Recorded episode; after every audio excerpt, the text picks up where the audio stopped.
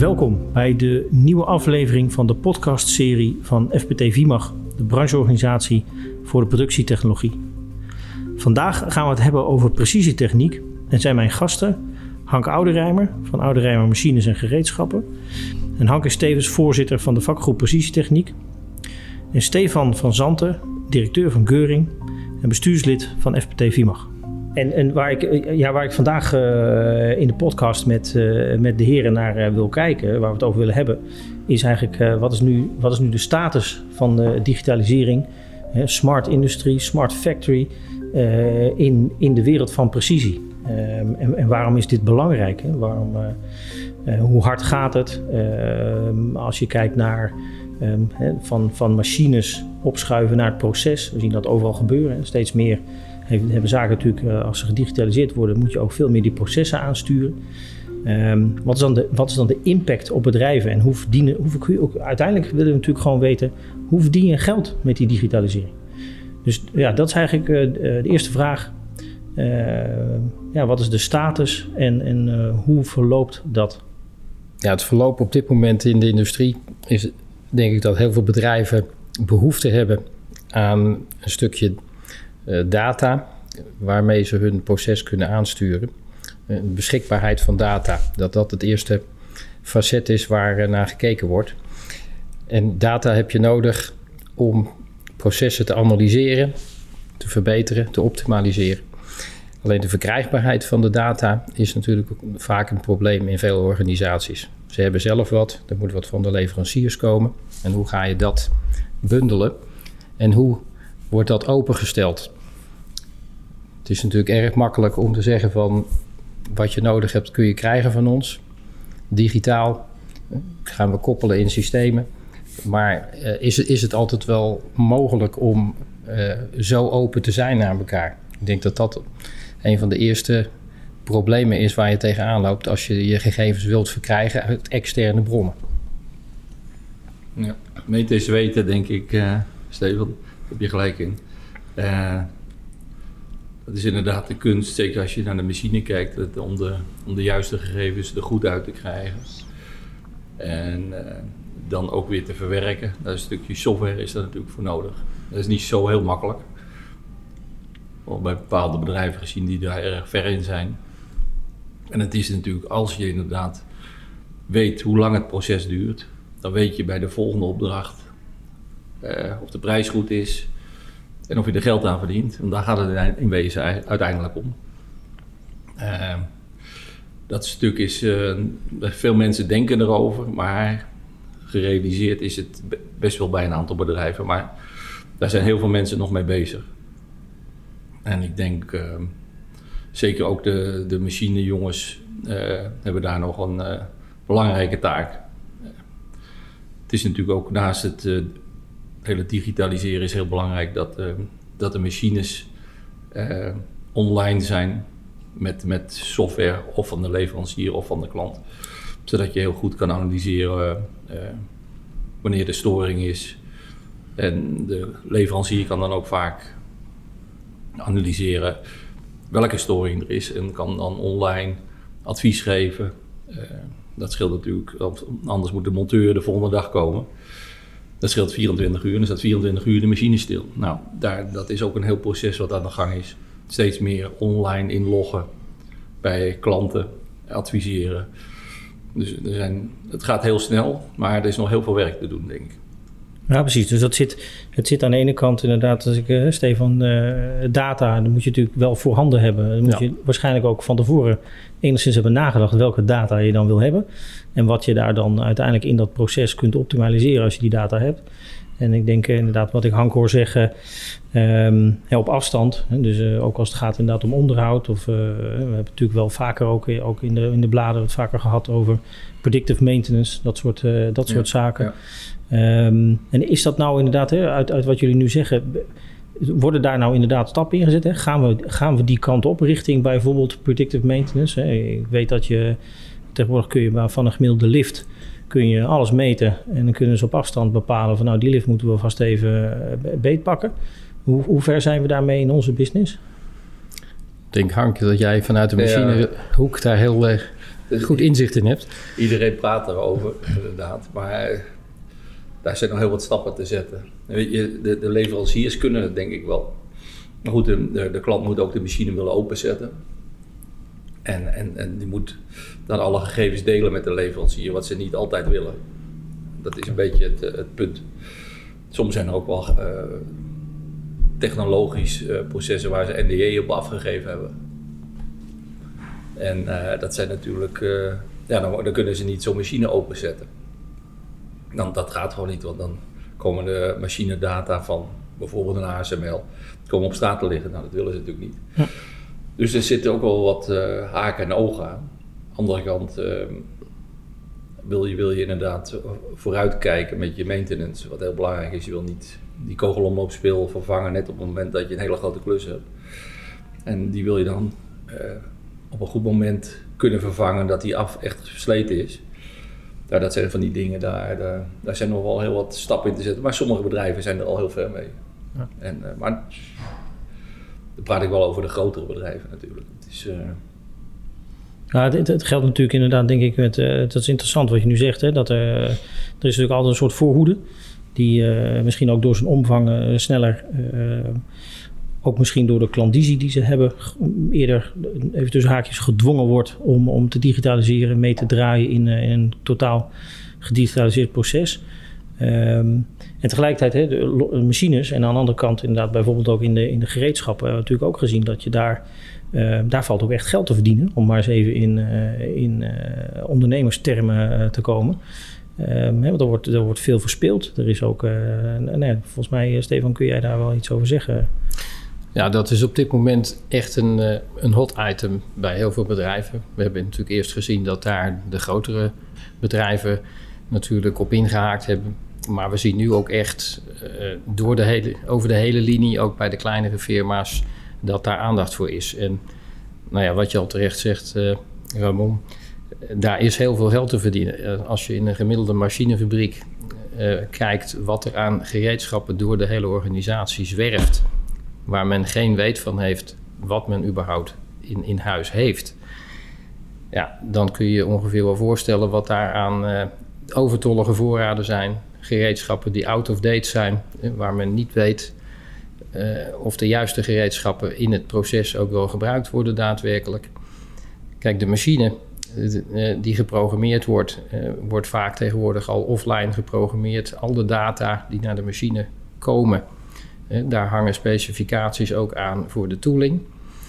Ja, als je dan het, het voortraject niet op orde hebt en niet gestandardiseerd bent in je, in je hele gereedschapmagazijn, dan gaat er heel veel tijd aan zoeken en heel veel geld verloren aan, aan, aan, inzet van verkeerd gereedschap. En dan hebben we het nog niet over cyclustijden die, die geoptimaliseerd kunnen worden, zowel aan de machinekant als aan de toolingkant. Nou, dat is een, een hot item hè, uh, waar heel veel firma's dan, dan in de breedte hun data weer moeten, op orde moeten hebben.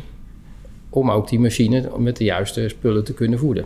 Maar ik denk dat het een onderdeel is van het, van het hele proces waar je het, het, onderdeel maakt, of het product maakt in de machine.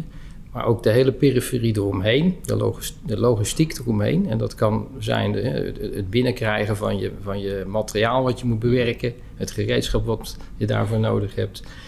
Uh, eventueel uh, maintenance schema's die daaraan vast moeten hangen. Dat, dat, dat je periodiek onderhoud pleegt om je spindels op orde te houden, om aan bepaalde toleranties te kunnen blijven voldoen. Nou, zo kunnen we nog nog wel tien dingen noemen, denk ik, Hank, uit onze praktijkervaring. En daar ligt denk ik nog een enorm braak terrein bij een hele hoop firma's. En als je dan naar de digitalisering gaat, om die gegevens ook allemaal digitaal beschikbaar te hebben en aan elkaar te kunnen koppelen met de diverse systemen waar je op draait, dat is nog een enorme uitdaging.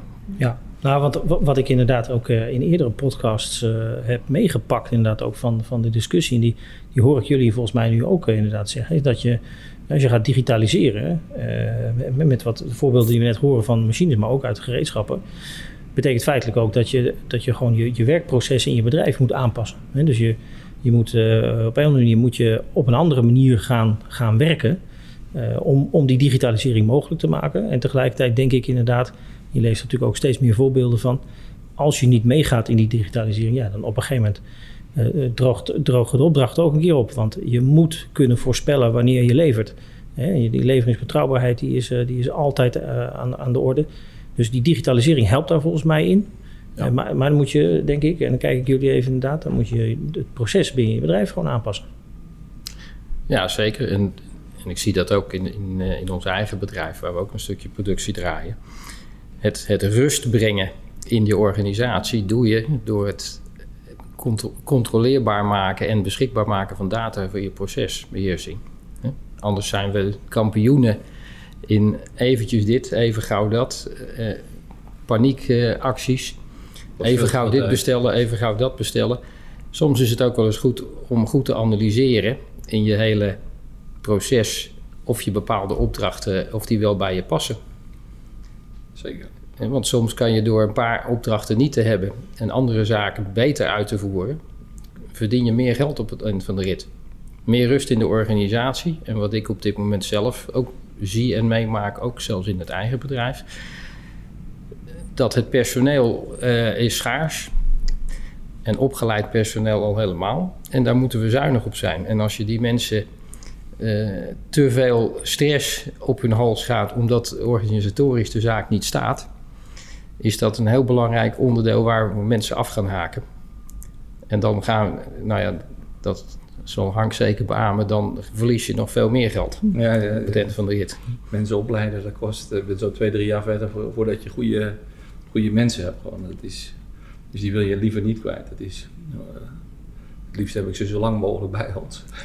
Ja, en ik denk wat we ook zien, zeker in de, in de productieomgevingen, eh, omdat het lastig is om mensen te krijgen, moeten de processen beter gestandardiseerd zijn, beter uh, ook gedigitaliseerd zijn, dat de informatie, uh, de technische informatie die je, die je moet weten betreffende bijvoorbeeld materiaalkunde, welke snelheden kunnen we iets bewerken, dat, die kennis is minder voorhanden.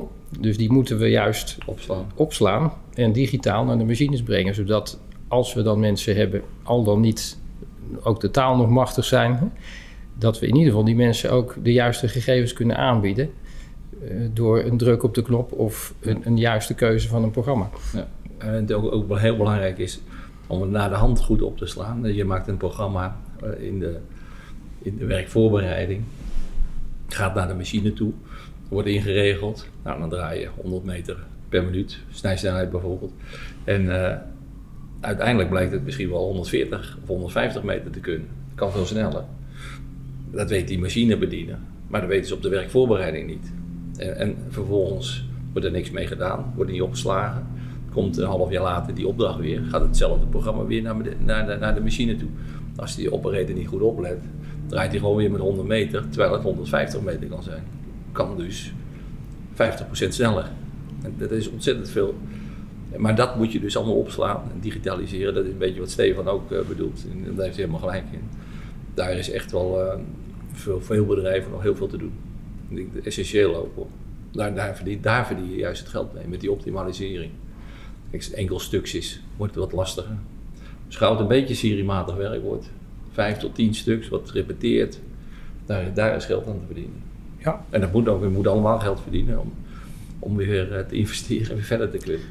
En wat, wat, wat ik ook nog op dit moment heel, erg, heel veel zie en, en waar heel veel te halen valt voor veel bedrijven, is het standaardiseren in je gereedschappakket. We zien vaak dat mensen soms wel 2.000, 3.000 posities tooling hebben.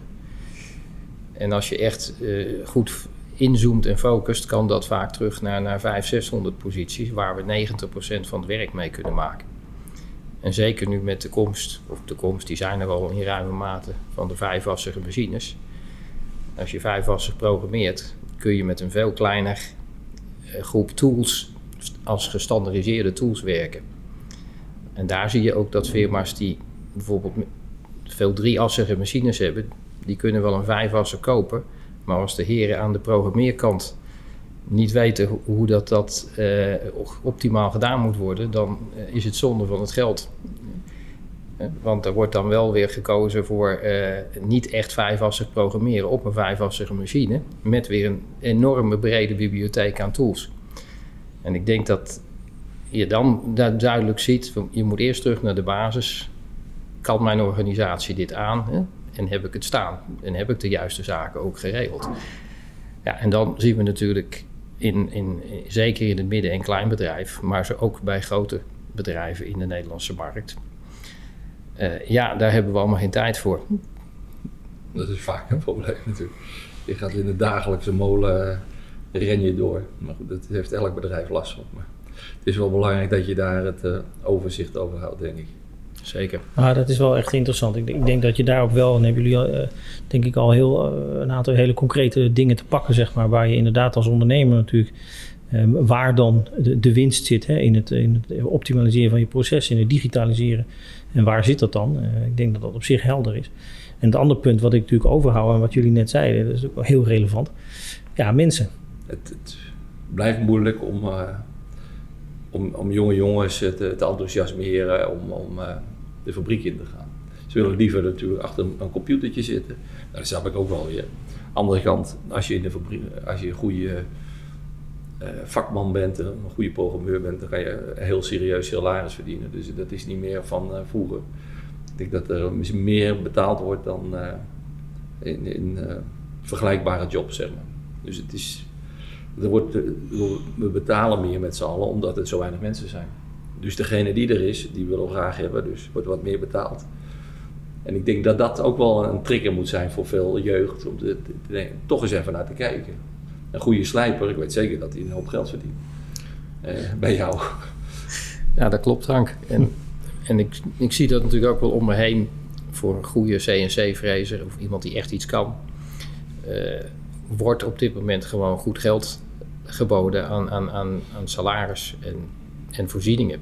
En ik denk dat dat belangrijk is, niet om onszelf natuurlijk nu uit de markt te willen prijzen, maar dat uh, de, de gemeenschap en, en ook de jeugd ziet van oké, okay, in dat vak wat niet vies meer is, waar ik ook aan computers kan staan en waar ik processen kan aansturen, kan ik ook een hele goede boterham verdienen. Maar ik denk dat de boodschap is inderdaad, je kunt gewoon hartstikke goed geld verdienen in dat beroepsonderwijs. Zeker nu er enorme tekorten zijn inderdaad. En dat, maar dat zit nog onvoldoende in die, in die maatschappij. En wat denk ik ook nog een belangrijk punt is, uh, vroeger was natuurlijk, hing een beetje aan in de productiewerken, in de ploegendienst en dat soort toestanden allemaal. Eh, laten we gewoon eerlijk zijn, bij heel veel moderne bedrijven op dit moment wordt het al geëffectueerd of wordt er al over nagedacht. Geen ploegendiensten meer door de automatisering.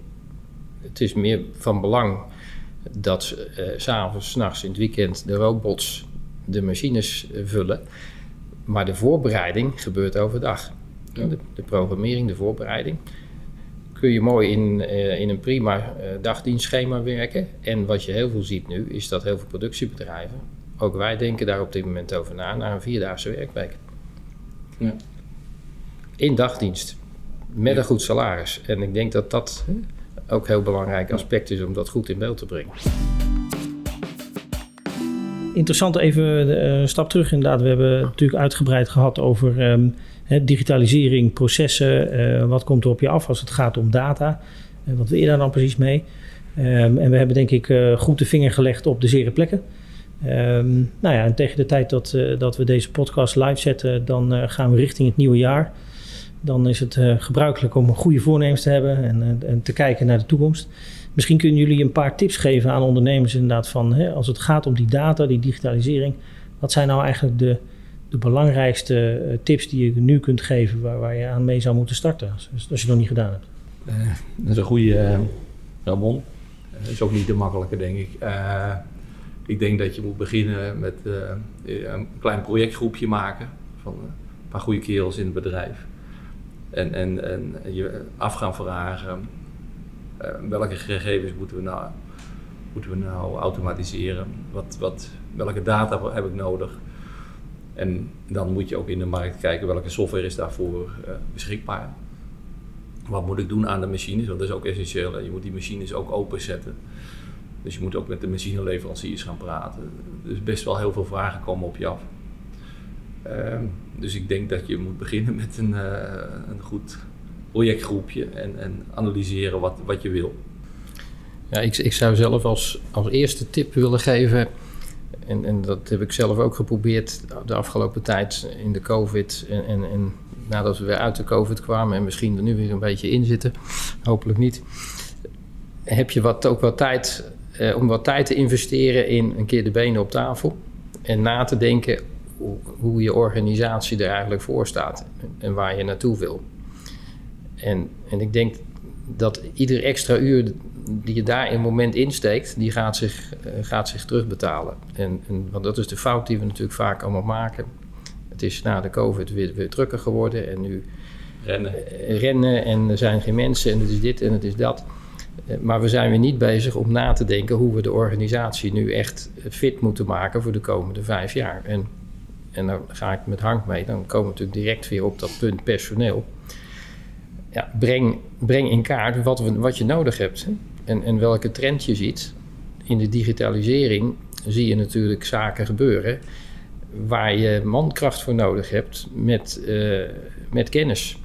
En dat hoeft in dit geval misschien helemaal niet iemand te zijn die kennis van, uh, van het vak in de metaal heeft, maar iemand die op uh, IT, big data gebied een hele goede is. Wat willen onze klanten? En dat en dat zal bij jullie net zo zijn, Hank, denk ik. Je krijgt tegenwoordig van, uh, van een organisatie als de VDL een, een, een, vraag van... Ja, lever jullie data van gereedschappen of machineonderdelen... lever het in dit format maar aan. Ja, ja, uh, kunnen we, ja weten we niet precies. Hè? Ja, dat lukt niet meteen. Ja, ja oké, okay, maar zo moeten we het hebben. En als je het niet geregeld krijgt, ja, dan is het jammer. Is jammer hè? Dan doe je ook niet meer mee. Ja, ook, nou, en dat zijn ontwikkelingen. Dan zie je dus dat je op, ook op zeg maar de kantoorfuncties eh, van vroeger een traditionele binnendienstfunctie, dat daar mensen zitten die, ja, die, die misschien heel prima een gereedschapje nog verkocht kunnen krijgen of kunnen adviseren. Maar, maar die vraag, hè, en dan moeten we in uh, Excel Plus misschien nog iets voor elkaar boksen. Maar Excel Plus op dit moment is niet genoeg meer. En dan, dan zie je in één keer dat je andere mensen nodig hebt. en misschien een aantal mensen niet meer nodig hebt in de toekomst. We hebben hetzelfde hoor. We hebben ook uh, sinds een aantal jaren gewoon IT'er in dienst die uh, dat ja. soort processen uh, begeleidt en, en adviseert. Ja. dat heb je gewoon, dat wordt steeds belangrijker IT. En, en, en, daar zie ik wel, en dat is dan de tip die ik mij wil geven, kijk daar juist heel goed naar. Want in de gemiddelde midden- en kleinbedrijf, die er heel veel zijn in de metaal, zijn die mensen niet aanwezig. En daar wordt ook niet naar gekeken, want die, die maken geen spanen, zoals we dan zeggen. Die verdienen geen geld. En, en dat is natuurlijk niet waar. En dat geldt natuurlijk hetzelfde met een stukje digitalisering. Men snapt inmiddels dat je een, uh, een CAD-CAM-programma moet hebben en dat soort zaken. Hè? Maar dat je dan uh, een gereedschap uitgiftesysteem met een goede voorinsteller wil, wil ook nog wel lukken. Maar dat je daar dan verder in moet gaan in spullen die geen spanen maken. Nee, en die moet je ook investeren. Moet je in investeren. Ja, absoluut. Ja, absoluut. dat is een heel interessant punt. Want eigenlijk inderdaad, en wat ik hoor zeggen, wat meer vooruitkijken, wat een langere termijn. Dus uh, benen ja. op tafel en kijken van waar gaat het nou eigenlijk naartoe? En, hoe moet ik daar als bedrijf mee omgaan? Hoe moet ik dat organiseren? Uh, heb ik dan wel de juiste mensen? Nou, dat zijn ook vragen die je dan invult, denk ik, als je daar wel mee aan de slag gaat. Dat past denk ik ook een beetje bij het laatste thema wat ik, wil, uh, wat ik in dat opzicht wil aansnijden. He, als je ook kijkt, dus inderdaad, stel je voor, je gaat als bedrijf inderdaad met de, met de benen op tafel. En je gaat eens goed kijken wat er op je afkomt. En je ziet natuurlijk, dat is niet van nu, maar dat is al een paar jaar gaande. Maar de verbrandingsmotor zal er wel uitgaan. He, um, we hebben nog even wat geprobeerd, geloof ik, met, uh, met schone benzine. Maar uh, volgens mij is een gelopen race. Dan zullen we wel allemaal in een Tesla rijden over tien jaar. Um, ik ben zelf niet zo voorstander, maar nou ja, het, zit eraan te komen volgens mij. Um, dus die verbrandingsmotor gaan eruit. Nou ja, voorlopig schijnen we genoeg vliegtuigen te hebben, want de, de, zakelijke wereld die blijft thuis. Dus daar hoeven we voorlopig ook niet heel veel van te verwachten.